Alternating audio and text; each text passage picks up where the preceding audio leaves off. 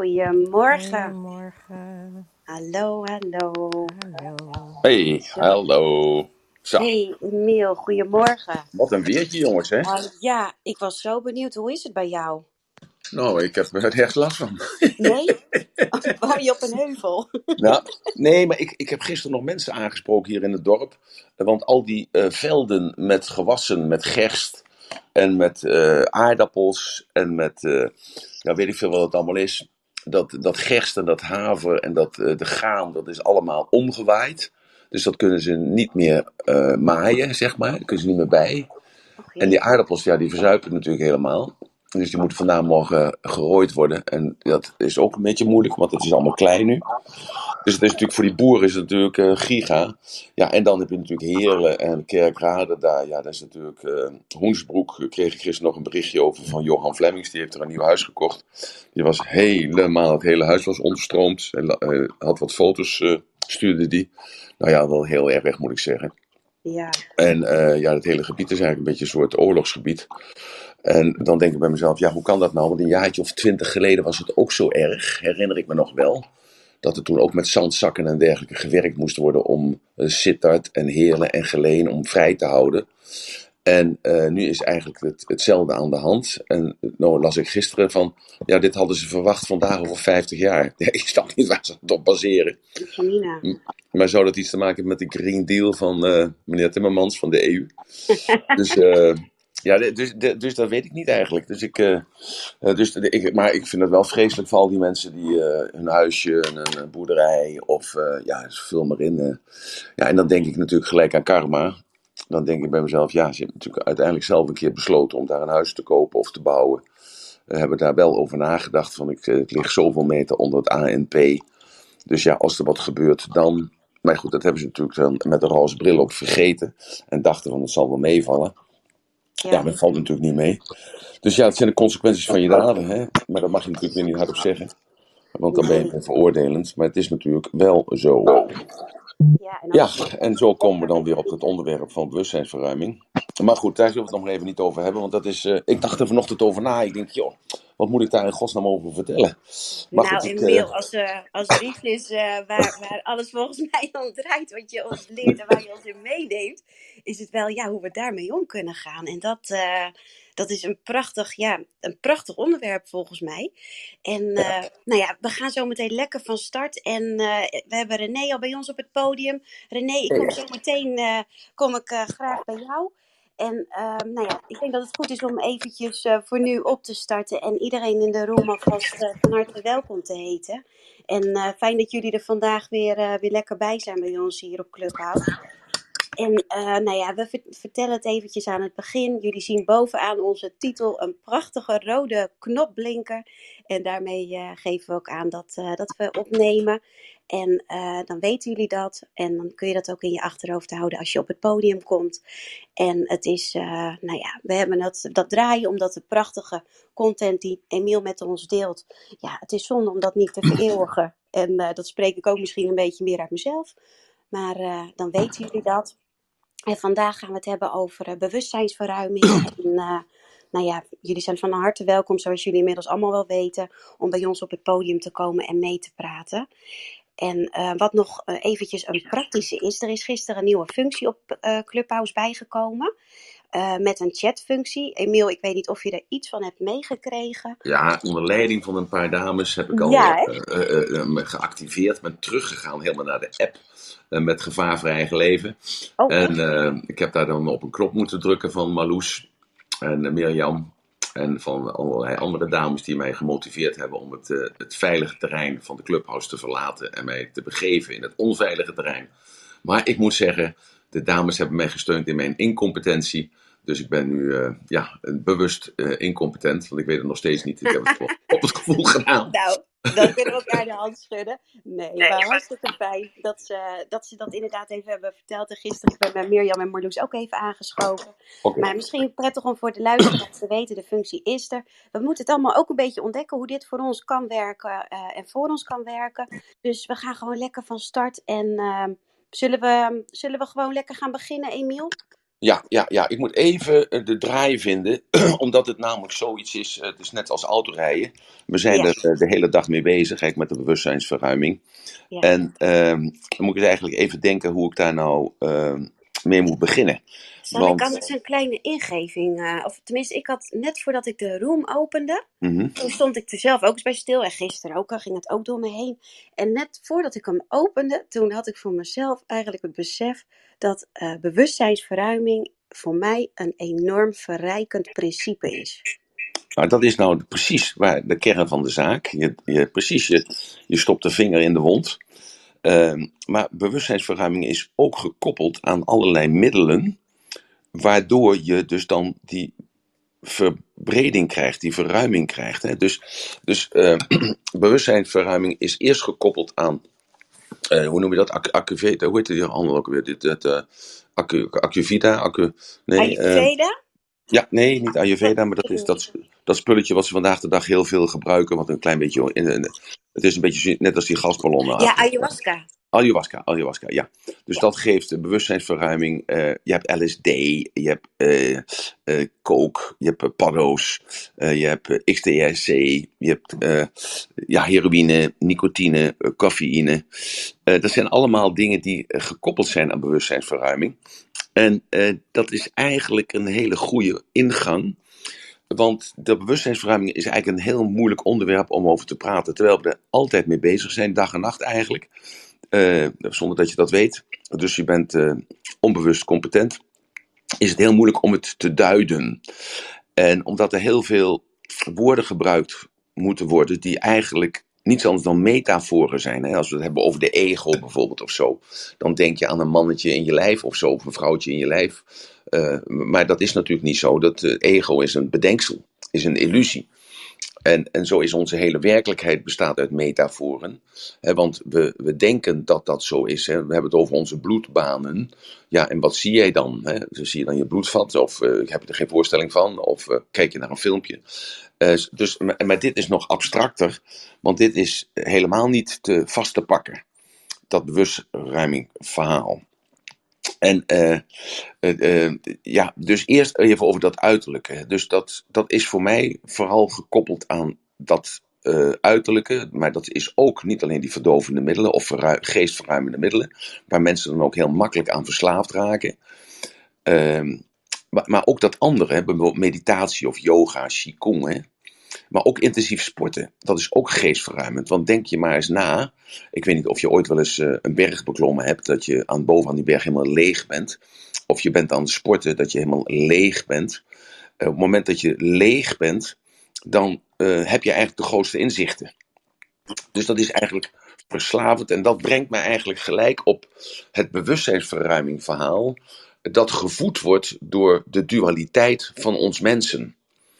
En om de dualiteit van ons mensen is dat wij alleen maar kunnen denken in pijn of in plezier. En die bewustzijnsverruiming is eigenlijk een vlucht. Want eigenlijk is het zo dat je ons bewustzijn focust zich. Hè, dus we zeggen wel vaker, je moet je focussen. Focus je op geluk, focus je op dankbaarheid.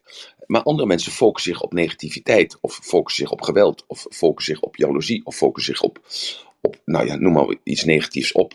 Maar wat wil dat nou eigenlijk zeggen? Die, als je dus ergens op focust, dan verdicht zich dat bewustzijn.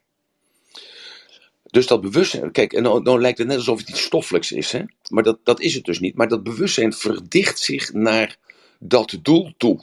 Dus dat doel, dat is morgen. En dat, dat is dus eigenlijk bewustzijnsverruiming. Dat is eigenlijk loskomen van dat doel. En dus je vrij bewegen zonder dat er enige controle is.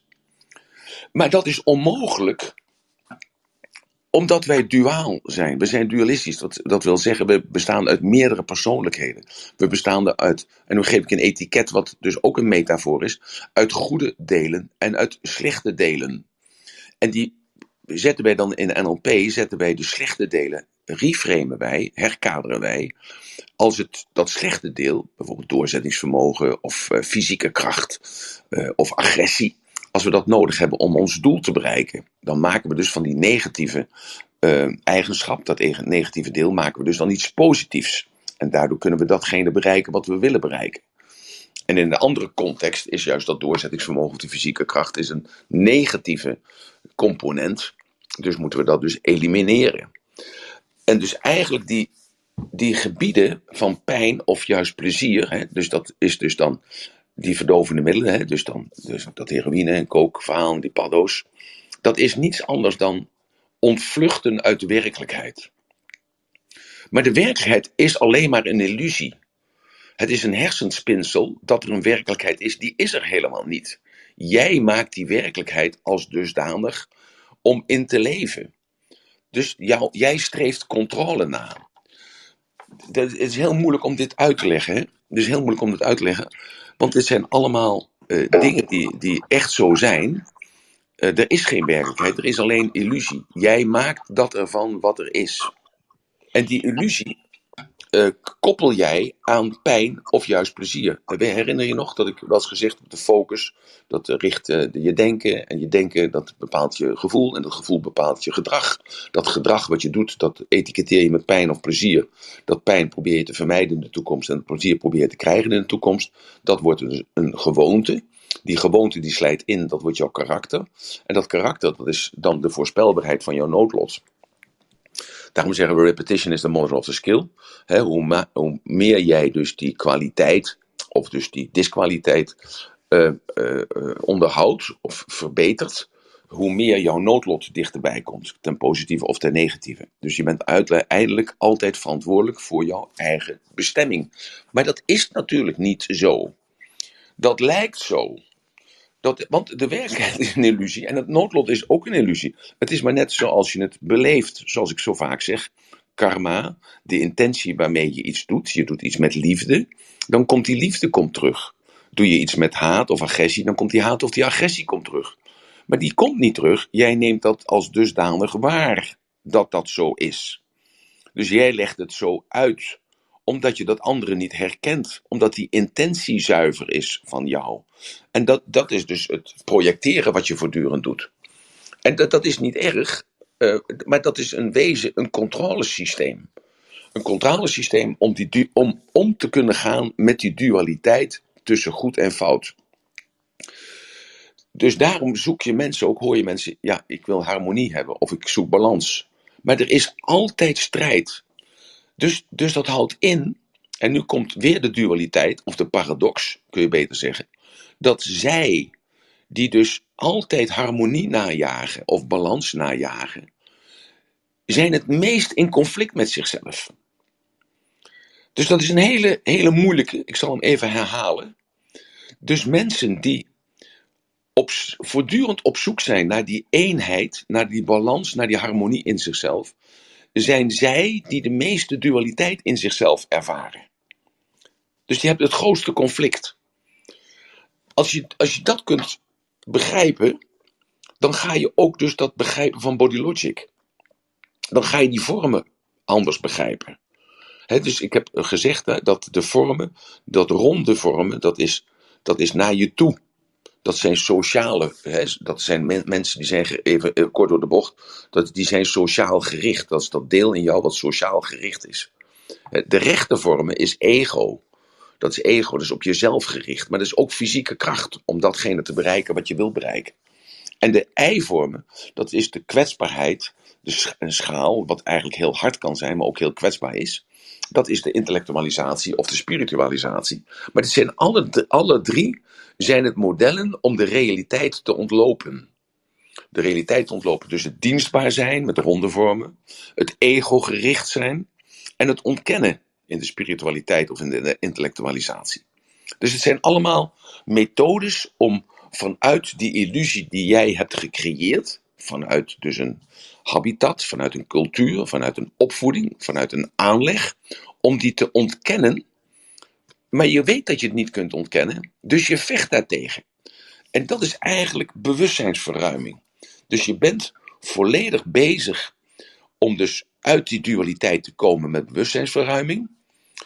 Daardoor neem je afstand. doordat je de afstand neemt, raak je in een ontspannen energie. Omdat je afstand neemt, je bent niet meer ingezogen in die bewustzijnsvernauwing. Je bent ontspannen als je dus verruiming ervaart, wat ook alweer een illusie is. Daardoor kun je disassociëren en op dat moment voel jij je bevrijd. En als je dan terugkijkt, en dan, dan kom ik weer terug op gisteren, hè? dan Bo- Boeddha zegt, hij zegt, het leven is lijden. Calvijn zei, je moet pijn hebben, want waarom zei Calvijn je moet pijn hebben? Want als je pijn hebt, dan ga je vanzelf je wenden tot God. Dat is de angst. hè. Angst is pijn. Dus creëer angst bij mensen en angst doet bidden. Hè? Angst doet bidden. Zo, dus, dus het marketingprogramma, dus het marketingprogramma, business, pro- eh, business model van de kerk is angst. Je moet pijn hebben en dan ga je vanzelf geloven. Daarom, hè, als je, je moet die wezen goedjes bidden, je moet biechten, je moet knielen, je moet, eh, je moet eh, vergeven, je moet dit, je moet dat, je moet rustig zo. En als je dat niet doet, dan kom je in de hel. Zo, dus, dus dat is de pijn. Dus de hel is de pijn. Dus, dus, je, dus je zorgt ervoor dat je in een afterlife in ieder geval gezegend bent om in de hemel te zijn. Dus dan moet je vandaag moet je lijden. En Jezus zei: De liefde zal jou bevrijden. Geloof in mij. Geloof in mij en alles is opgelost. Dus, dus die, bekeek, die had een heel ander ma- marketing businessmodel. Dus dat was de liefde, dat was de, de positiviteit. Even, moet ik even denken hoor, want ik, ik, dat ik niet wegga, dat ik, eh, dat ik, het, eh, dat ik het moeilijk maak. Eh, nee, maar ik dus- denk dat je een hele, hele mooie uiteenzetting eh, geeft van ja, hoe dat bewustzijn is opgebouwd. En, en bij mij ging net ook weer die, die reeks die hij ons altijd ook, ook meegeeft. Hè, van gedachte tot aan het noodlot, hoe zich dat ontwikkelt. Dat Ja. is, dat is zo'n zo'n belangrijk in mijn ogen, dat, dat die helder is. Want die maakt dat je eh, ook, ook in je bewustzijn voor jezelf eh, kunt trainen. Dus dat je, dat je steeds meer bewust wordt van, hé, hey, hoe zit het in elkaar, die stappen? En, en als er iets op mijn pad komt, van oké, hoe ga ik daarmee om? En hoe ga ik die stappen maken van afstand nemen en hè, in die ontspanning komen en disassociëren? Dat, dat, ehm, ja, dat je dat zeg maar gaat trainen bij jezelf. Ja, dat is één kant van de zaak. De andere kant van de zaak is dus dat dat noodlot, eh, dus dat is wat er gaat gebeuren, dat je daar zelf verantwoordelijk voor bent. Ja, En, en dat geeft ook weer een last. Hè? Dus het geeft ook weer een last van, ik moet wel gefocust blijven, want dan hou ik mijn denken op de rit en dan hou ik mijn emotie op de rit en dan hou ik mijn gedrag op de rit. En dan kan ik eh, meer ervaring hebben van plezier dan van pijn. En dan heb ik plezierige gewoontes en dan word ik een plezierig mens en dan krijg ik ook een plezierig noodlot. Maar, maar zo zit het natuurlijk niet zo makkelijk in elkaar, want het is niet een, een soort eh, eh, stap-voor-stap plan. Dat lijkt het wel, want ik heb het teruggebracht tot een stap-tot-plan plan, maar het is illusie, want dat noodlot wat jou overkomt is ook maar illusie. Dus, het, en, dus daarom is het een meta, dus je praat in metaforen, in metaforen alsof het iets, abstracts is, maar het is niet abstract. Het is dus altijd een beleving, want een noodlot kan ook een zegening zijn. Een, een zegening kan dus een bevrijding zijn. Eh, En dus eh, een vloek kan ook iets zijn wat je over jezelf uitgesproken hebt. Dus dat is de vervulling van een doel wat je bereikt hebt. Zo, dus het is maar welke kant, welk deel van jou vliegt dat aan? En met welke overtuigingen is dat deel geladen? Waardoor dus dat, dat gepercipieerd wordt, wat de filter van de werkelijkheid. Wat hoor ik nou elke keer op de achtergrond? Ben ik dat? oh, ik zal mijn geluid even aan, want ik had hem nog open. En eh, dus de. Wat zei ik nou? Ja, je had het Eh, over die delen. En dat is Ja, die delen. Ja, ja, ja dat die delen. ehm, eh, shit. Nou, sorry, haal ik je eruit. Nee, nee, nee, nee, nee, nee. nee. Eh, dus die delen, dus die. eh, ja, dan ben ik het kwijt, sorry. Ja, ik ben ik het kwijt. Ja, ja, dat is het nadeel als je uit je kop praat. ja, Ehm, dus dat je, ehm, je probeert dus altijd invloed te, te krijgen op je zijn. Eh, dus die delen die werken daarin mee en tegen. Oh ja, dat noodlot. Dat noodlot kan ook een zegen zijn. Dus het noodlot hoeft niet per definitie negatief te zijn, maar dat is jouw interpretatie. Dus jouw beeld van de werkelijkheid. Het is dus, dus altijd een feest van herkenning. Want het is jouw intentie die zich herkent in datgene. En dat is de hemel en de hel aan je eind van je leven. Als je dus ehm, de kassa op moet maken. En daarom moet je elke avond de kassa opmaken. Hè, wat heb ik geleerd, wat heb ik gegeven, wat heb ik gedaan waar ik trots op mag zijn. Omdat ik zeg dan, aan het eind van je leven, voordat de energie omgaat in een andere energie, dan komt er dus iets over je. En dan moet je dus de kassa opmaken. Dan komt er dus iemand anders, en dus laten we zeggen de Belastingdienst. En die zegt dan tegen jou van, eh, vertel eens even, wat heb jij geleerd van de omstandigheden die ik heb geschapen voor jou? En uh, wat heb jij gegeven van de, de, giften en de talenten die ik jou heb gegeven? En uh, ja, dat houdt in dus dat je niks hebt, maar dat je het allemaal krijgt en je moet weer teruggeven. En wat heb jij gedaan waarop ik trots kan zijn, geschreven met een hoofdletter? Want hij, dus het sturend mechanisme daarboven, die bepaalt dus dan of, of jij dus door kunt gaan naar de volgende stap. Zo, zo kinderlijk zie ik dat dan. Hè? Dus dat is mijn kinderlijkheid die dat ook zo ziet. Hetzelfde als dat ik het universum altijd heb gezien toen ik uh, hoorde op school van moleculen en atomen. En die draaiden om elkaar heen. En toen zag ik een plaatje van het heelal, van het universum. En toen dacht ik bij mezelf: Oh, dus daarom noemen ze dat oneindig.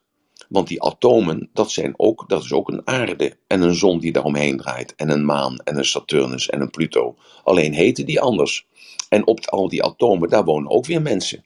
Alleen die zijn natuurlijk zo klein dat je dus die helemaal niet kunt zien. En zo zijn we verbonden met alles. Dus, we, dus ik ben eigenlijk opgebouwd uit een, uit een universum. En zo zag ik dat als klein kind zijn, dat toen ik een jaar of acht was, toen ik die tekeningen of afbeeldingen op school had gezien met die plaatjes van wat uh, atomen zijn en hoe ze met elkaar verbinding houden en uh, hoe het universum met elkaar verbinding houdt doordat ze met elkaar ronddraaien. Dat is die emmer water, weet je wel, die je vult en die je dan heel snel draait. En zo hou je dus dat die middelpunt vliegende kracht, hou je dan alles bij elkaar. Zo, dus, dus dat beeld heb ik nog steeds, maar dat is een metafoor natuurlijk, want het is natuurlijk niet zo. Het is allemaal energie, je kunt het niet beetpakken. Dus, maar dat materiële beeld, wat, wat we toen hadden, van het is allemaal ontstaan vanuit de oerknal en zo, ja, daar komen we allemaal op terug, want het is, een, het is een bewustzijn wat dat gecreëerd heeft. Dat is niet met een oerknal gebeurd, dat is een, een stoffelijk iets wat wij erop geven. Dat is een metafoor wat wij weer vertellen. Maar mensen nemen dat letterlijk, die denken van boem! En daaruit is dan de aarde en de maan en de zon en dergelijke en dan het universum uit ontstaan. Nee, dat is niet zo ontstaan. Dat is ontstaan vanuit een bewustzijn. En maar dat is zo ver weg van je bedshow dat je dat helemaal niet kunt realiseren. En daarom moet je maar praten in beelden. En iedereen, ja, zoals we gisteren ook zeiden, van elk beeld is weer geladen met een emotie en met een betekenis. Voor, voor iedereen is dat anders. Daarom is het ook zo mooi dat we in deze room zitten met 30, 40 of 80 man. En iedereen denkt daar anders over. En dat mag ook. Ik probeer alleen te stroomlijnen, zodat dat die beelden een klein beetje in tune zijn met elkaar. En dat we dus met elkaar op weg gaan naar iets wat ik niet weet wat het is, want ik zoek nooit controle, dat hoop je hoor je wel vaker. Hè, want ik laat het gaan zoals het gaat. En dus als je dus in dat zelf, in die, die, als je dus in die ruimte zit van bewustzijnsverruiming, dan sta je als het ware buiten jezelf. En als je buiten jezelf staat, dat is natuurlijk niet zo, maar dat, is, dat voelt zo, dan geeft dat een gevoel van zelfbeschikking. Begrijpt iedereen dat? Dus de illusie dat je buiten jezelf staat, omdat je dus bewustzijnsverruiming hebt, je hebt die, die focus, dat dus die, die verstarring van dat bewustzijn, dat gericht is op één ding, dat heb je verruimd. Daardoor word je groter, daardoor word je zelfbewuster. Dat, dat gevoel van zelfbeschikking, hey, ik ben dus meester zelf over mezelf. En daar kijk je naar. Dus je disassocieert en je ziet jezelf in die ruimte die jij hebt gecreëerd.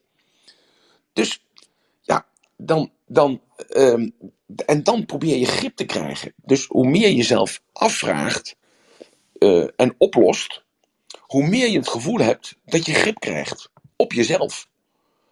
En daarom beoefenen we de kunst van, van, zelfs, van de bewustzijnsverruiming. Maar dat doet iemand anders doet dat met Qigong. Of iemand anders doet dat met LSD.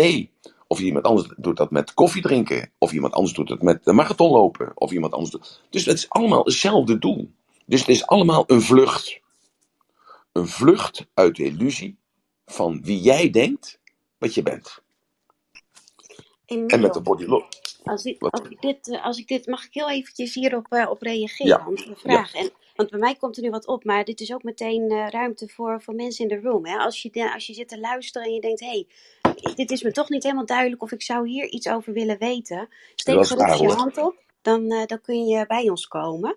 Ehm, maar waar, wat, ik, eh, wat mij opviel, want de bewustzijnsverruiming kun je ja, bewust doen. Echt heel voorbeeld van bewust met, met drugs, met, met inderdaad ook op koffie nemen, met die ayahuasca. Maar bewustzijnsverruiming zie ik ook heel erg in, in echte dagdagelijkse dingen. Echte dingen die je op je pad krijgt. En, en die dus, ja, iedere situatie geeft eigenlijk ruimte om je uh, bewustzijn te.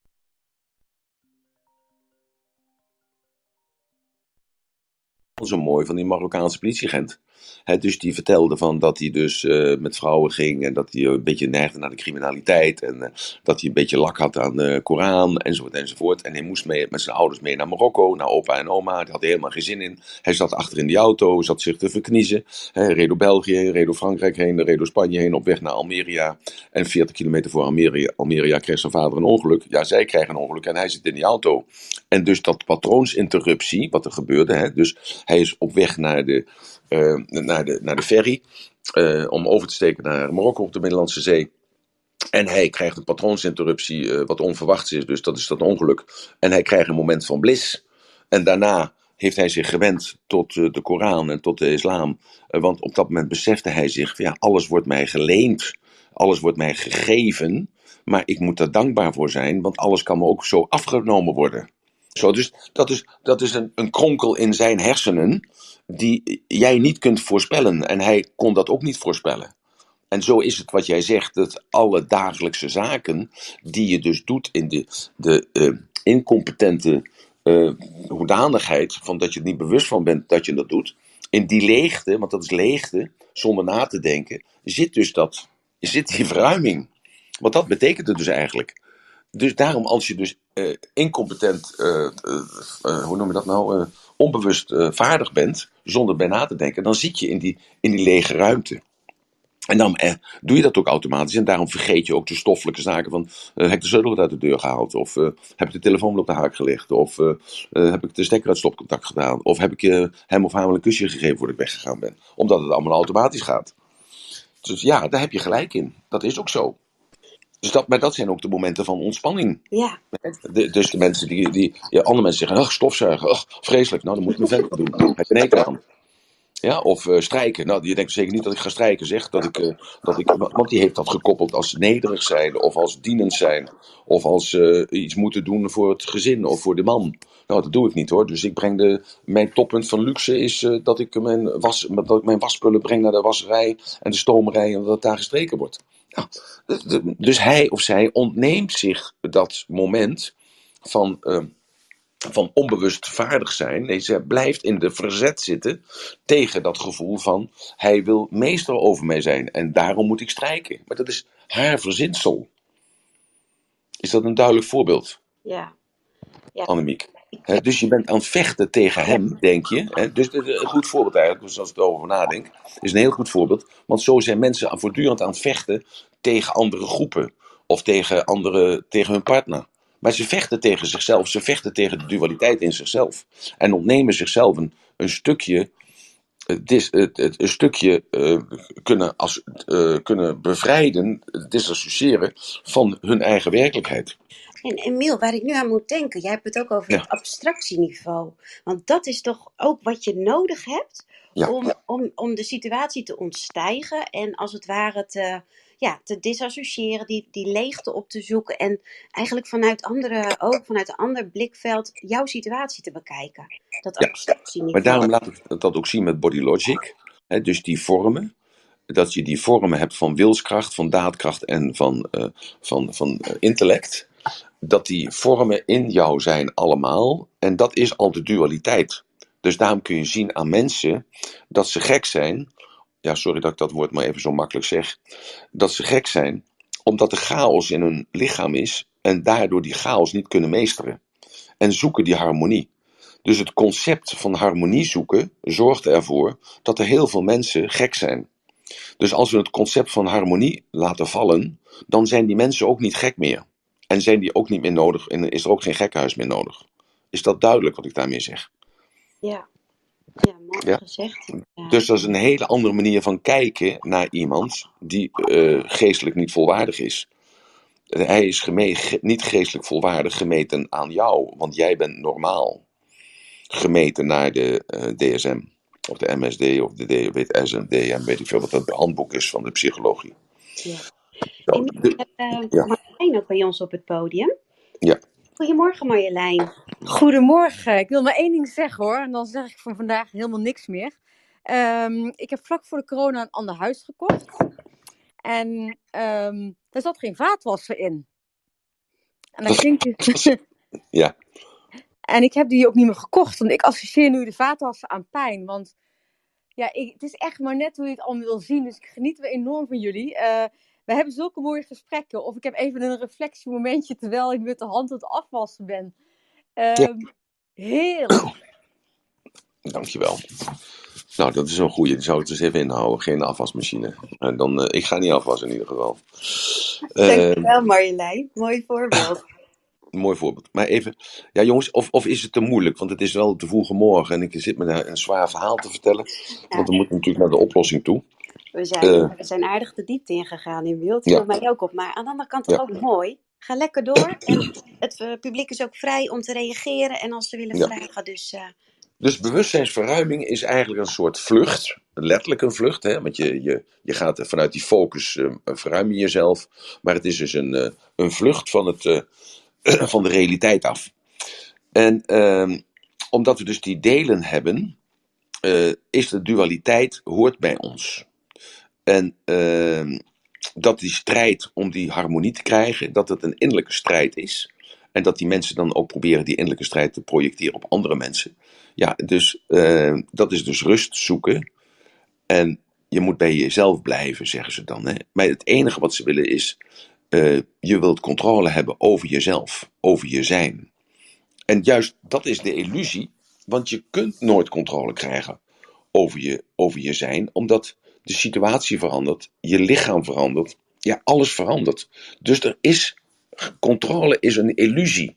Dus je streeft wederom een illusie na.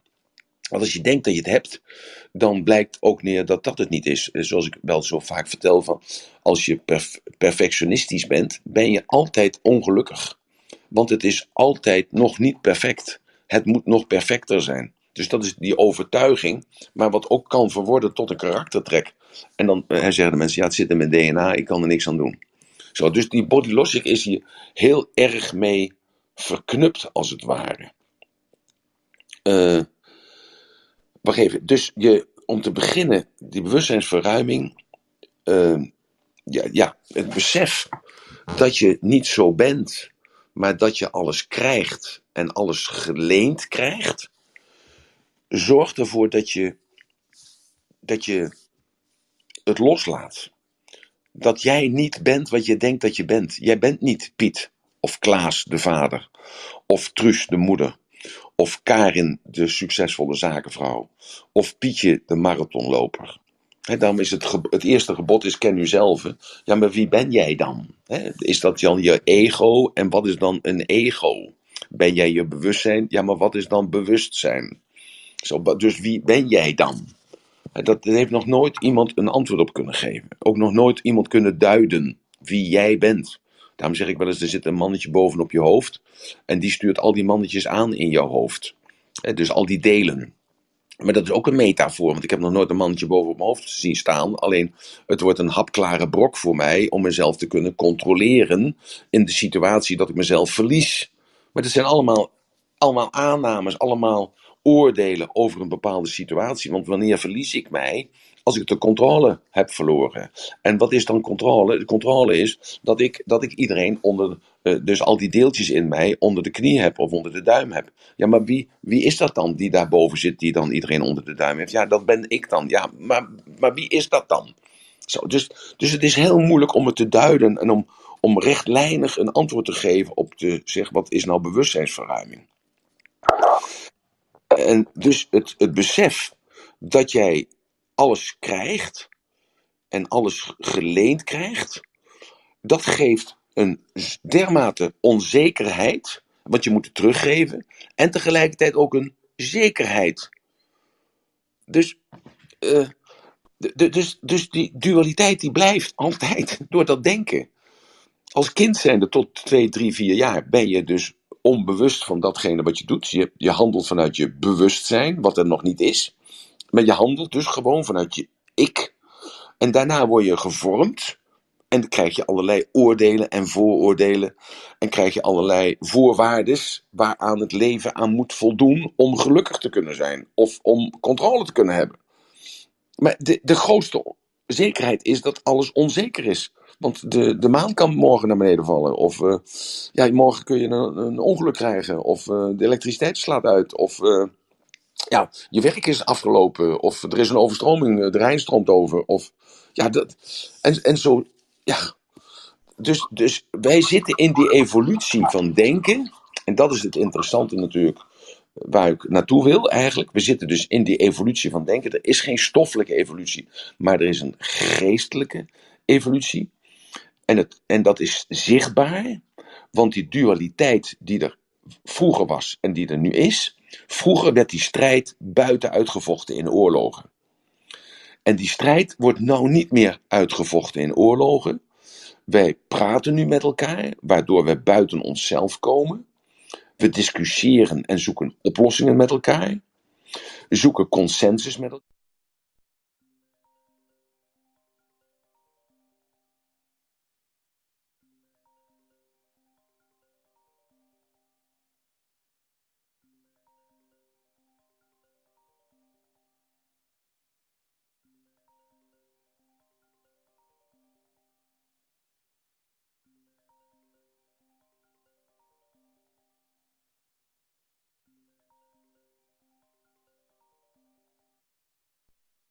Vallen. Er zijn de sterkste godsdiensten die zich aangepast hebben. Of die het hardste knoet gebruikt om angst in te jagen. Die hebben overleefd. En nu komt het stadium van het positieve denken. Dat het collectief, we waren altijd collectief gericht naar buiten. Daarom is die agressie en die dualiteit gericht geweest naar buiten. En nu sinds de jaren 60 krijgen we het positieve denken dat het afhangt van jou. Dus een hele andere metafoor. Hè? Dus ik ben het centrum van het universum. Ik bepaal mijn toekomst. Ik ben positief. Ik bepaal mijn karma.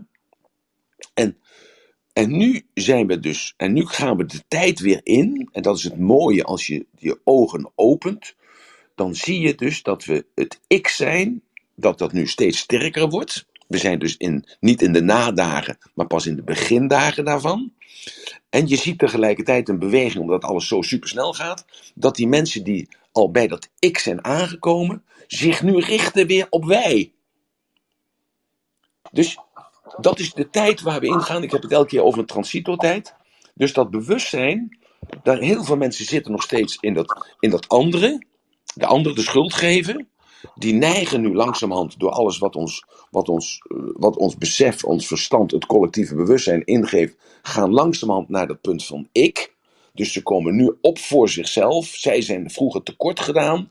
En nu moet ik rechtvaardiging hebben. Dus ze blijven met één been staan ze in het ik. In het andere been staan ze, met, staan ze bij de ander die de oorzaak daarvan is geweest. Dus die ander moet zich verexcuseren. Oh, er komt even een belletje tussendoor. Ja, de een moet dus, uh, je bent en gericht op jezelf en je bent gericht op de ander. In het, in het negatieve noem ik dat nu zo, eventjes. Hè? De, dus vergeet het woord maar even om die metafoor te gebruiken in het negatieve. Dus je staat met de ene been in jezelf en het andere been sta je bij die ander. Dus je, bent, je, je, je twijfelt eigenlijk als het ware.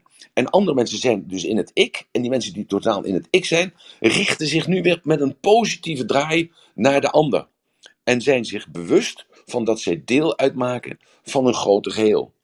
Begrijp je nu de evolutie waar we in zitten? Heb ik dat nu, heb ik dat nu uitgelegd een klein beetje, zodat je dus dat je ziet dat je de krantenartikelen op die manier zou kunnen zien, waardoor jij ook meer rust krijgt, omdat je weet dat je aan de goede kant staat. Maar even, maar even zo duiden, menselijke wijze, zo duiden. Ik vind dat je dit heel mooi duidt, Emiel. Dit, dit is een hele, hele duidelijke en ook een hele mooie van het ik zijn. Dat we groeien naar dat ik zijn en vanuit daar die draai maken naar het wij. En dat uh, heel mooi. En we hebben Loes ook al een poosje bij ons op het podium staan. Dus ik zou graag even ruimte willen geven aan Loes om uh, nou ja, haar inbreng te doen. Welkom. Dankjewel, goedemorgen. Oh, stil. Nee, niks aan de hand. Hoe heet die? Hoe heet die? Hoe heet die? Plato. Blazo, mooi blazo. Zit. Ik ben er even van weggelopen. Eh, ik vind het ontzettend mooi om te horen en ik hoor heel veel herkenbare punten.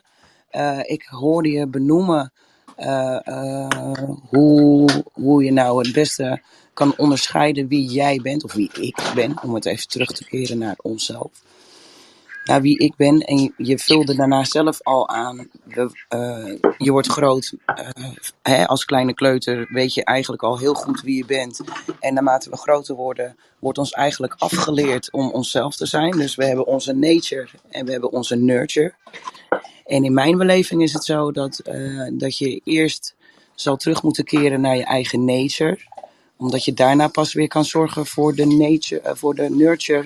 Als je dan zorgt voor je eigen nurture vanaf dat moment, ehm, eh, ben je ook in staat om vanuit het zelf eh, naar de buitenwereld toe te treden in liefde. In, eh, We zijn het eens met elkaar.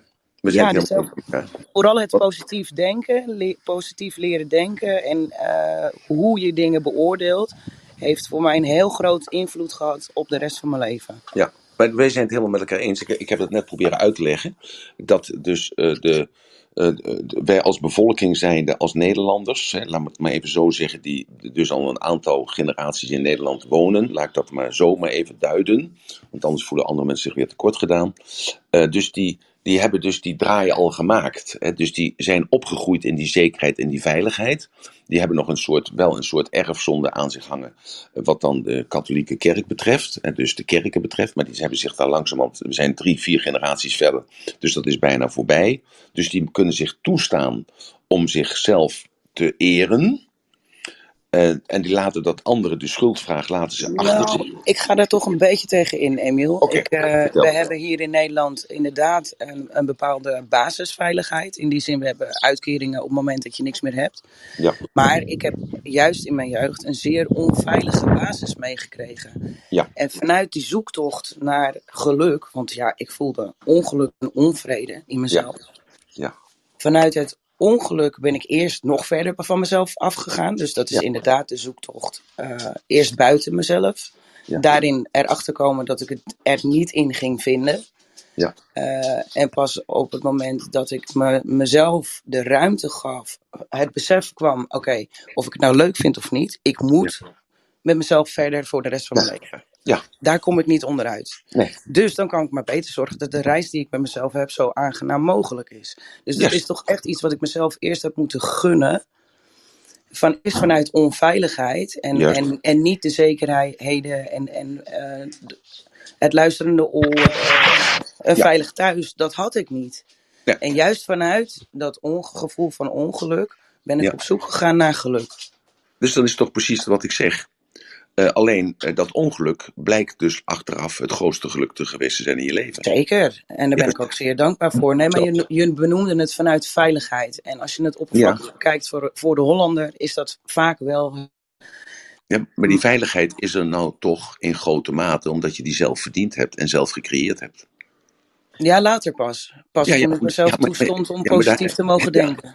Maar je hebt dus een, een weg bewandeld vanuit dat ongeluk buiten jezelf hè, en dus naar je ik-zelf toe, zoals je dat vertelt.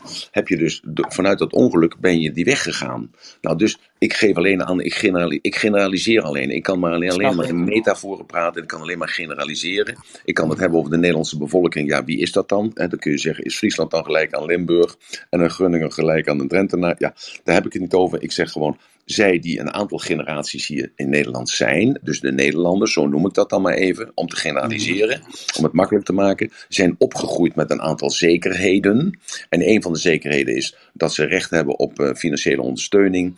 Dus ze hoeven zich niet druk te maken om voedsel of op drank of op, eh, op onderdak. En ook dat er een, een soort psychische begeleiding is. Dat als je ongeluk hebt gehad in het vroeger, dan heb je ook nog een begeleiding daarin gehad. Dus die, dat pad dat wordt ook nog verzorgd. Dus die zekerheid en die veiligheid is als het ware gegarandeerd. En of je nou al zover bent of niet zover bent, daar hebben we het niet over. Generaliseren het gewoon bekijken naar, Jan Modaal, laat ik het dan zomaar zeggen. Of naar, naar Piet en, en, en Merel, zoals uh, Wilders dat dan zegt, geloof ik. Uh, maar dus het, het gaat erom dus dat je begrijpt dat dus een aantal mensen die zijn zo ver als jij, door dat ongeluk. En zij dus die hebben nu dat zelfbeschikkingsrecht gekregen voor zichzelf. Wat allemaal een illusie is, maar voor jou is het werkelijkheid. Mhm. Dankzij dat grote ongeluk wat je meegemaakt hebt. Hè, dus in het begin van je, van je jeugd of eh, van je opvoeding, whatever. En dus nu kun jij dus aan jezelf werken. Je hebt aan jezelf gewerkt. En nu kun jij voor de ander gaan zorgen. Dus vanuit dat positieve denken kun jij, ben je, heb je jezelf op de rit gezet. Je kunt jezelf controleren. Hè, om, het, om het- al die dualiteiten Ja, bij elkaar vanuit, te houden. liefde, vanuit zelfliefde kan je ook Ja, ja. liefde voor de ander hebben. Juist, maar dat, maar dat heb je eerst moeten ervaren, die zelfliefde. Want als je dat niet hebt ervaren, kun je het niet voelen. En als je het niet kunt voelen, heb, kun je het niet geven. Dus heb je vanuit die zelfliefde, die jij uiteindelijk door al die vreselijke zaken die je meegemaakt hebt, heb je jezelf op de rit gezet. Die hebt controle gekregen over je emoties, controle gekregen over je gedrag. En zo is er een, een nieuwe loes ontstaan, zo, leg het zomaar uit, die dus volwaardiger naar zichzelf toe is. En dus dan ook volwaardiger is naar andere mensen. En het enige wat ik zeg is dat jij hebt dat meegemaakt. De, Neder- de Nederlander, wie dat ook mogen zijn, heeft dat meegemaakt. Mhm. Er is een instroom van mensen die uit andere culturen komen, andere belevenissen hebben Dat meegemaakt. En vreselijke trauma's hebben meegemaakt. Die staan nog aan de andere kant van de lijn. Ja. En, dus, en dan hebben we het over ongelijkheid. En we praten elke keer in metafoor. Hè. We praten net alsof je het kunt duiden. Maar je kunt het niet duiden, want het is de beleving van iemand anders. Ja. Nou, ik ervaar het dan zo, want dat is dan weer het, het objectief kunnen, kunnen beoordelen of veroordelen. Ja, Eh, ik, ik zie ze gewoon als eh, de, de andere ik, zeg maar. We zijn allemaal eh, op een bepaald plekje geboren. En als ik, als ik het heel simpel mag vertalen, dan zou ik een klok gebruiken. En de een staat op positie 1 en de ander op 6 en de ander op 9. Maar Ja. samen maken we de klok. Ja, maar zo is En het. het is oké. Een mooie metafoor. Dat is een mooie metafoor. Dus, eh, dus, maar het gaat om te duiden hoe die weg tot zelfbeschikking door die, zelf, door die bewustzijnsverruiming ontstaat. En dat dat een proces is, die, die evolutie, dat, dat, dat je daarin zit en dat we pas aan het begin daarvan staan. En, Ja, en dat we dus in die transitofase zitten naar een volgende fase te gaan. En tegelijkertijd hebben wij mensen achter ons lopen die nog niet zo ver zijn. En dat benoem ik met abstractieniveau, want dat zei eh uh, Annemieke uh, zo net. Hè? Dus het gaat om het abstractieniveau, dat je kunt begrijpen, dat je kunt duiden in welke overgangsfase we zitten. En als je gaat begrijpen in welke overgangsfase we zitten, dan kun je het ook duiden. En dan kun je er rust mee hebben, want dan kun je het een plaats geven. En dan blijf je niet gefocust, dus dat die concentratie van bewustzijn op één punt. Dan heb je die bewustzijnsverruiming weer. En dan zit je dus in een positieve vicieuze cirkel dat je steeds meer kunt disassociëren. Dat je niet meer ingezogen wordt in de ellende van andere mensen of in, in de ellende van onze maatschappij of wat dan ook. Je blijft niet meer geconcentreerd op het negatieve. Je richt je vanzelf op het grote en dus op het positieve, op het licht. Je komt dus steeds meer in het licht te staan. Om weer een metafoor te gebruiken. Ja, klopt. Zo, dus jij, dat proces wat jij meegemaakt hebt, is precies dat proces waar mensen nu aan het begin zitten, of middenin zitten, of met jou meezitten op het eind, waar je nu bent. Zo, dus jij bent een personificatie van datgene wat ik vertel. Helemaal één op één. Ja. Zo zie ik dat. Ja, zo ervaar ik het zelf ook. Hoor. Nou. Daarom ik ook van, ik, ik hoor heel veel herkenning gewoon. Ja, nou fijn. Maar jij Ja. kunt, nou, kijk, en nou nog iets moois. Jij kunt dat alleen herkennen omdat je dat ongeluk bewust hebt meegemaakt. En wat doe jij nou? Heb je kinderen? Ja, En wat doe jij nou? En nou komt, de, nou komt wederom de dualiteit. Wat doe jij nu?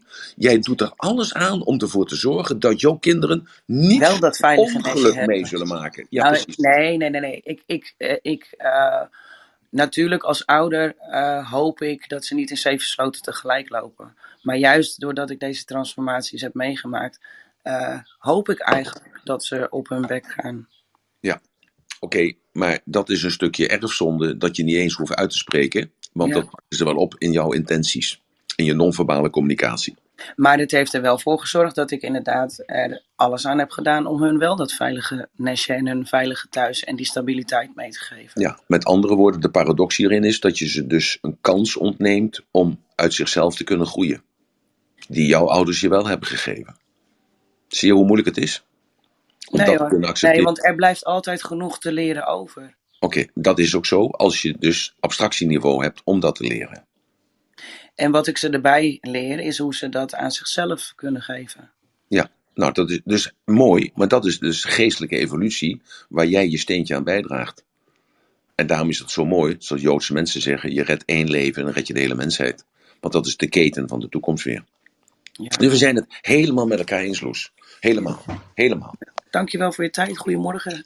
Dankjewel, Loes. Dankjewel. Ja, Loes, dank je wel voor je, voor je inbreng en jouw verhaal. Waar we met z'n allen ja, mee hebben mogen luisteren en ook weer onze dingen uit hebben kunnen halen. En ehm, ja, ik wilde toch nog ook eventjes naar Marjolein. Want Marjolein, je was net heel bescheiden. Ik zeg één ding vandaag, maar voel je ook vrij om gewoon lekker te reageren. Als je wat hoort of eh, ergens op in wil haken, doe dat gewoon lekker. En Emiel, wat, ja, staat er nog iets op jouw eh, programma waarvan je zegt, dat wil ik nog graag eh Ja, ja, ja, ja? Ja? Ja, ja ik wil, maar ik wil eerst weten of dat duidelijk is, die geestelijke evolutie, voordat ik dan dat ga benoemen, eh, die stappen, zeg maar als het ware, om die bewustzijnverruiming te, te duiden en te vergroten voor jezelf. En de, de tools daarvoor.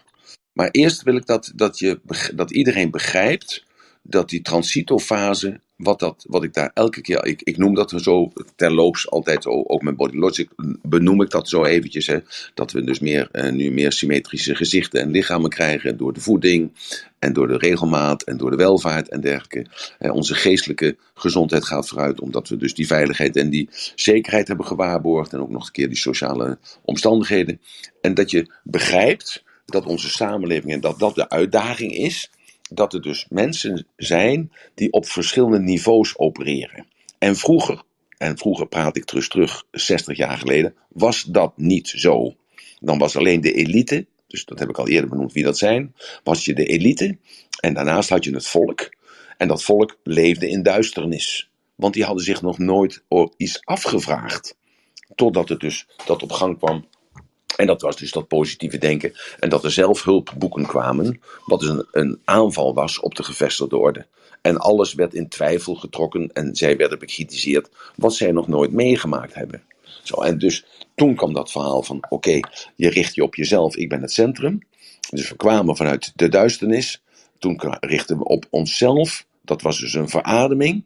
En nu zijn we zover dat we weten dat we bestaan bij de gratie van de ander. En richten wij van ons een volwaardig bestaan, zoals Loes dat zo mooi uitgelegd heeft, richten wij ons op de ander, zodat we de anderen kunnen helpen om die stap te zetten in de geestelijke evolutie. Ik hoop dat dat duidelijk is en dat dat niet te zwaar is op deze donderdagochtend. En eh, dat je dat inzicht krijgt en dat je daar iets mee kan doen. En nu even de stappen eh, die er gezet moeten worden. Het nogmaals, het is allemaal illusie. Het zijn allemaal metaforen. Het is niet zo concreet als dat ik het nu concretiseer. Want dat is het dus niet. Je kunt het niet beetpakken. Je kunt het etiketteren en dan is het zo voor jou. Gemeten naar jouw overtuigingen, jouw vooroordelen en jouw zijn. Dat is dus dat eh, de, het zelfbewustzijn, de zelfverruiming, ontstaat dus eigenlijk bij jezelf. Dus eerst het bewustzijn wie jij bent. Dus dat is waar de Grieken al mee bezig waren, ken uzelf. Dat is het één. Daar zijn we dus bijna 2000 jaar in blijven hangen. We zijn dus een jaar of 50, 60 zijn we ons zelf bewust gaan voelen. Door het ik, het positieve denken eigenlijk, te creëren. Nu gaan we naar het wij-bewustzijn. We gaan nu naar het wij-bewustzijn. Wij zijn verantwoordelijk voor deze planeet. Wij zijn verantwoordelijk voor de ander. Wij zijn verantwoordelijk daarvoor. Dus dat is het wij-bewustzijn. Dus, dus we zitten dus tu- tussen dat ik en dat wij-bewustzijn in. De volgende bewustzijnstap is naar het globale bewustzijn. Dus het globale bewustzijn is dat je bewust bent voor, ja, voor alles en iedereen om je heen. En dat zie je ook al een klein beetje ontstaan. Het zijn allemaal abstracte, abstracte vormen, abstracte woorden. Maar dat zie je ook als je dat, als je dat zo beschrijft. Anders moet je het opschrijven. Dan, dan, hè, dus het wij-bewustzijn. Dus eerst het ik-bewustzijn, dan het wij-bewustzijn. En dan het globale bewustzijn. En als je dus dat globale bewustzijn creëert. Dat je verantwoordelijk bent voor de, voor, ook voor de ander. En dus ook verantwoordelijk voor het milieu. Verantwoordelijk voor het welzijn. Verantwoordelijk voor, nou, noem maar allemaal maar op. Daarna krijg je het eenheidsbewustzijn dat we één zijn. Ook daar zitten al heel veel mensen in. En dus in het eenheidsbewustzijn. Dus jij bent niet alleen op jezelf gericht. Nee, je bent één. Je bent een stukje. Je bent zoals het ware een mier in een mierenhoop. Je bent een planeet in, tussen alle planeten in. Maar je bent wel verbonden door middel van de zwaartekracht of de roterende krachten, ben je wel verbonden met elkaar. Dus dat is dat, dat eenheidsbewustzijn. En daarna is de volgende stap, dat noemen ze dan het universele bewustzijn, maar dat eh, kunnen wij nog niet bevatten wat dat is, want dat is eigenlijk eh, als je opgaat in het geheel, dus je kunt zeggen dat universele bewustzijn, dat ervaar je op het moment dat je overgaat. Dus dat is de verlichting, dat is de, het uh, hier niet meer zijn, dat is in, uh, om in andere sferen leven. Dus dat zijn eigenlijk een beetje de stappen die gezet moeten worden, of waarin je middenin zit en waar je naartoe gaat. Dat is bewustzijnsverruiming. Oké. Dit is uh, wel een hele, hele mooie opeen, ja, volging van, van die verschillende bewustzijns. En waar ik, uh, waar ik nog aan moest denken, wat, wat, wat, wat ik ook wel veel hoor en, en, en voel, het goddelijk, uh, zeg maar dat stukje goddelijk bewustzijn, dat je een onderdeel bent van. Ja, dat is dat globale bewustzijn. Is dat, dat valt onder het, het wij, het wij-bewustzijn, globaal bewustzijn, dat, dat zweeft er tussenin allemaal. Maar het zijn maar woorden, hè? het zijn maar woorden. Je kunt het invullen als je zelf wil. Dus, je, dus vul het zelf in zoals je het zelf in wil vullen. Dus het, het gaat erom, dus het is allemaal illusie. Het is, het is, er, is, er is niks tastbaars aan. Het is geen materie. He, dus uh, we zijn langzamerhand ook uh, erachter gekomen dat dus het, uh, het universum geen materie is. Dat is ook een gedachte, dat is ook een metafoor. We verzinnen dat gewoon allemaal. Zo, en alleen al dat is al moeilijk om, om, om, dat te kunnen geloven of te kunnen denken. Dus om te kunnen denken is dan moeilijk, laat staan om te geloven. Dus uh, en de, ik kan dat aanduiden door te zeggen: van kijk, kijk, kijk, naar je, kijk naar die stoel. Als je die stoel afbreekt, dan komen de moleculen tevoorschijn. En moleculen zijn ontstaan door, door atomen. En atomen zijn protonen en neutronen. Nou, en als je kijkt naar de afstand tussen een neutron en een neutron. Is in vergelijking net zo groot als, uh, als een afstand van de aarde tot, tot aan het puntje van de Eiffeltoren. Dus er is meer niets dan iets ja, en toch kun je op de stoel gaan zitten. Hoe kan dat dan? Ja, omdat het dus een energieveld is, wat gecreëerd wordt door die straling en door die trilling en door die frequentie. Zo, dus, dus dat is allemaal zo moeilijk en uh, zo. Uh, ik vind het tenminste zo moeilijk. Ja, dat is mijn beperking. Ik ook hoor. en ik vind het zo moeilijk. En ik vind het gewoon niet praktisch. Ik heb er niks aan. Ik wil gewoon op, stoel, uh, op die stoel gaan zitten en ik moet zeker weten dat die vier poten stevig staan. En ik was laatst bij een kind die had een stoel op één poot. Ik zei, nou, ik ga er niet op zitten. Hij zegt, nou, het is veilig hoor. Hij ging erop zitten, krakte zo door die ene poot heen. Nou, ik zeg, uh, zie je wel, ik heb gelijk. Nou, de kletskoek natuurlijk. Ik had uh, gewoon geluk met mijn stelling. Maar even, even aan te raken van, ik, ik hoef dat allemaal ook niet allemaal te weten. Ik wil gewoon leven met de dualiteit die in mij is. Uh, ik heb dat behoorlijk op de rit. Door middel van NLP heb ik dat een plaats kunnen geven. Zoals ik dat vaker zeg, ik parkeer iets. En ik uh, gebruik mijn negatieve zaken in een andere context als zijnde positief. En ik hoop dat ik uh, mijn positieve zaken niet in een andere context zet dat ik het negatief gebruik. Want dan keert het zich uiteindelijk tegen mij. En ik geloof dat is een basisprincipe, dat is karma. Dat ik verantwoordelijk ben voor mijn daden. Ik ben verantwoordelijk voor datgene wat de effecten zijn. En dus ben ik ook bereid om de straf of de beloning te ervaren die daarmee samenhangt. Maar dat ik realiseer dat het allemaal illusie is, dat is oké, maar laat het dan een fijne illusie zijn en geen vervelende illusie zijn. Zo is het. En, en wat ik, wat ik ja, eigenlijk uit, jou, uit jouw hele verhaal ook haal, is eigenlijk ook een hele mooie boodschap. Als ik het van het ingewikkelde wat meer afhaal, maar de woorden die je ook zei, die weg naar zelfbeschikking.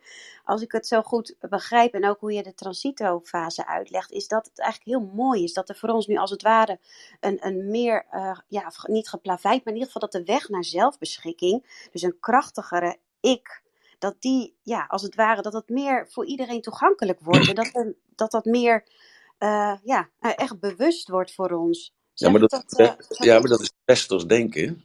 En, en natuurlijk is dat, uh, wij denken vaak, maar dat denken wij niet alleen, dat denken andere mensen wij, dan denken andere wijen ook, dat ze de wijsheid in pacht hebben. En wij hebben natuurlijk als blanke mensen dat altijd opgelegd aan andere mensen die ons dat nog steeds kwalijk nemen. Maar uh, ja, we, hadden gewoon, we waren wilskrachtiger en we waren daadkrachtiger en we hadden gewoon meer intellect. En daardoor konden we dat dan ook doen. In het negatieve of in het positieve uitgelegd. En uh, dat blijft altijd de strijd.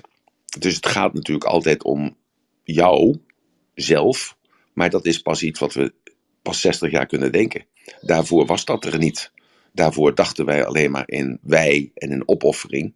Want kijk maar eens bijvoorbeeld naar films of lees maar eens boeken over 200 jaar geleden, als men ten strijde ging, dan had men een rood uniform aan, of een paars of een geel uniform aan. Men, was, men had geen camouflagekleuren. Waarom niet? Omdat men gewoon het besef niet had dat als ik doodgeschoten word, wat dan de consequenties zijn. Als ik doodgeschoten word, dan geef ik dat voor mijn land. En dan geef ik dat voor God. Ik geef dat eh, voor de kerk. Of ik geef dat voor de staat.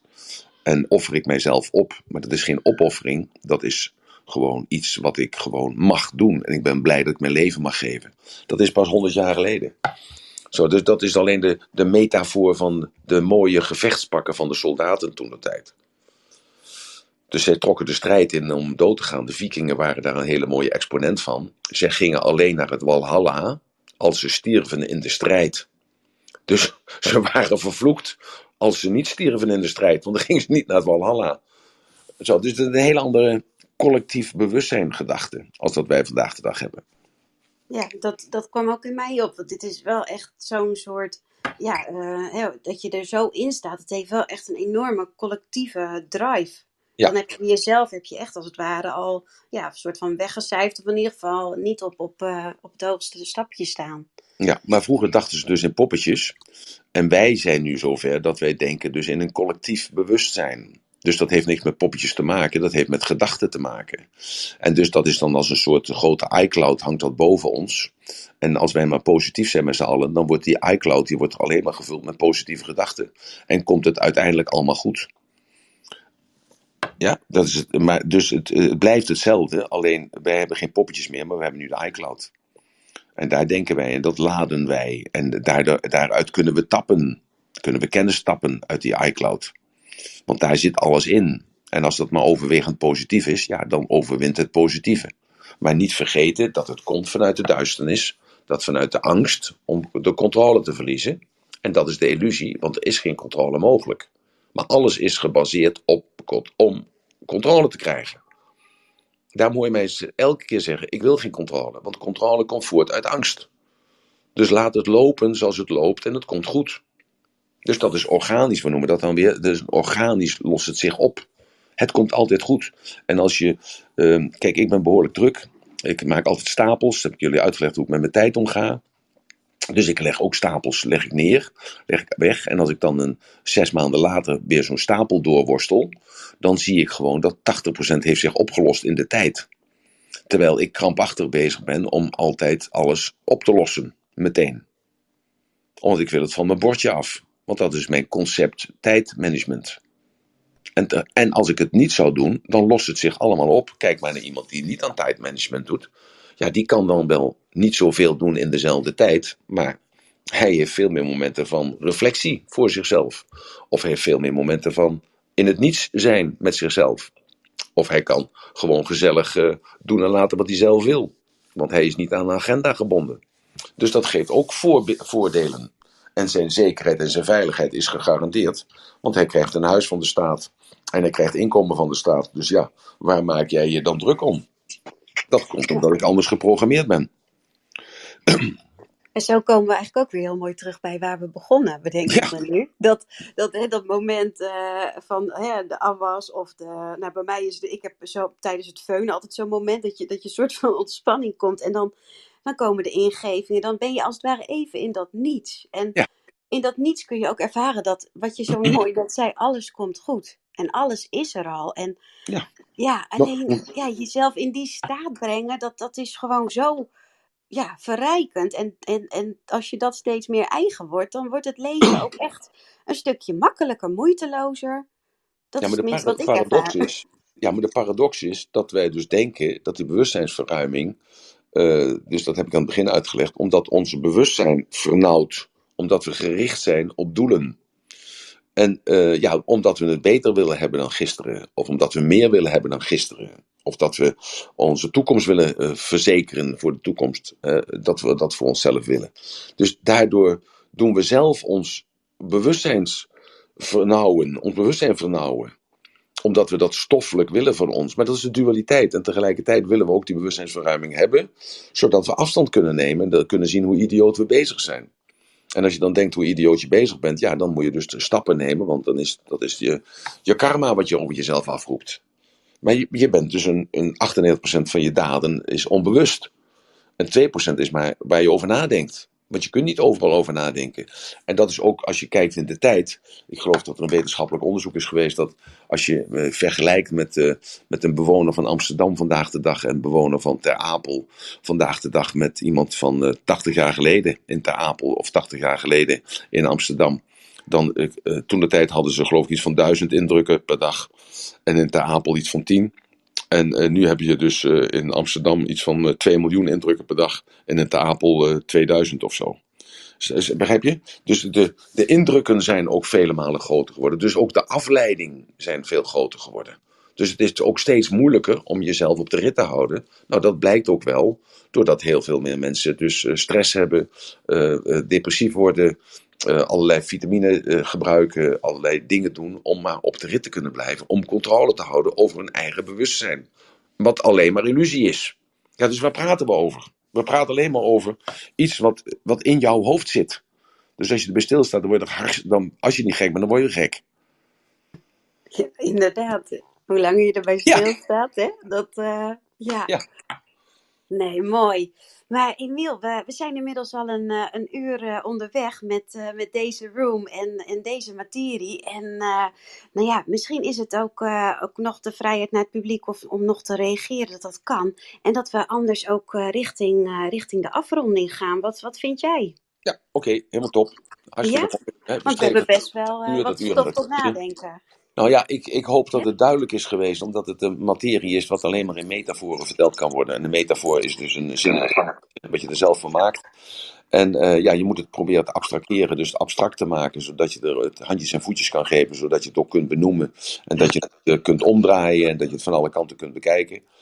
Uh, ja, dus het ratelbandje voor vandaag eigenlijk zou kunnen zijn van, ja, dat hebben we het over bewustzijnsverruiming. Wat zou het ratelbandje voor vandaag kunnen zijn? Het ratelbandje voor vandaag zou kunnen zijn dat je nou vandaag eens realiseert dat niets is zoals het is. Het is zoals het lijkt dat het is. En jij maakt dat het zo lijkt.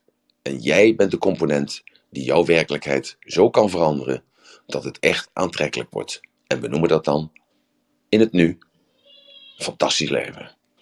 Nou, dank jullie wel en tot morgenochtend 9 uur. Bye bye. Dankjewel, Emiel. Tot morgen.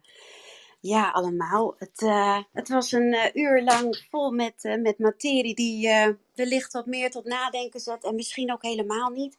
Maar het mooie is dat we de komende, komende weken, in ieder geval tot eind augustus, nog iedere dag om 9 uur er zijn. Dus mocht je naar aanleiding van vandaag nog vragen hebben of je zou wel eens een, een, een room samen met Emiel willen doen over een bepaald onderwerp. We zijn bereikbaar op clubhouse.ratelband.com. Dus daar kun je eventueel een mailtje naartoe sturen. En morgen zijn we er om 9 uur weer. En uh, nou ja, je kunt je vragen altijd stellen. En uh, ik wens jullie voor vandaag een hele fijne dag. En uh, dank jullie wel dat jullie er waren. Tot morgen. Doeg.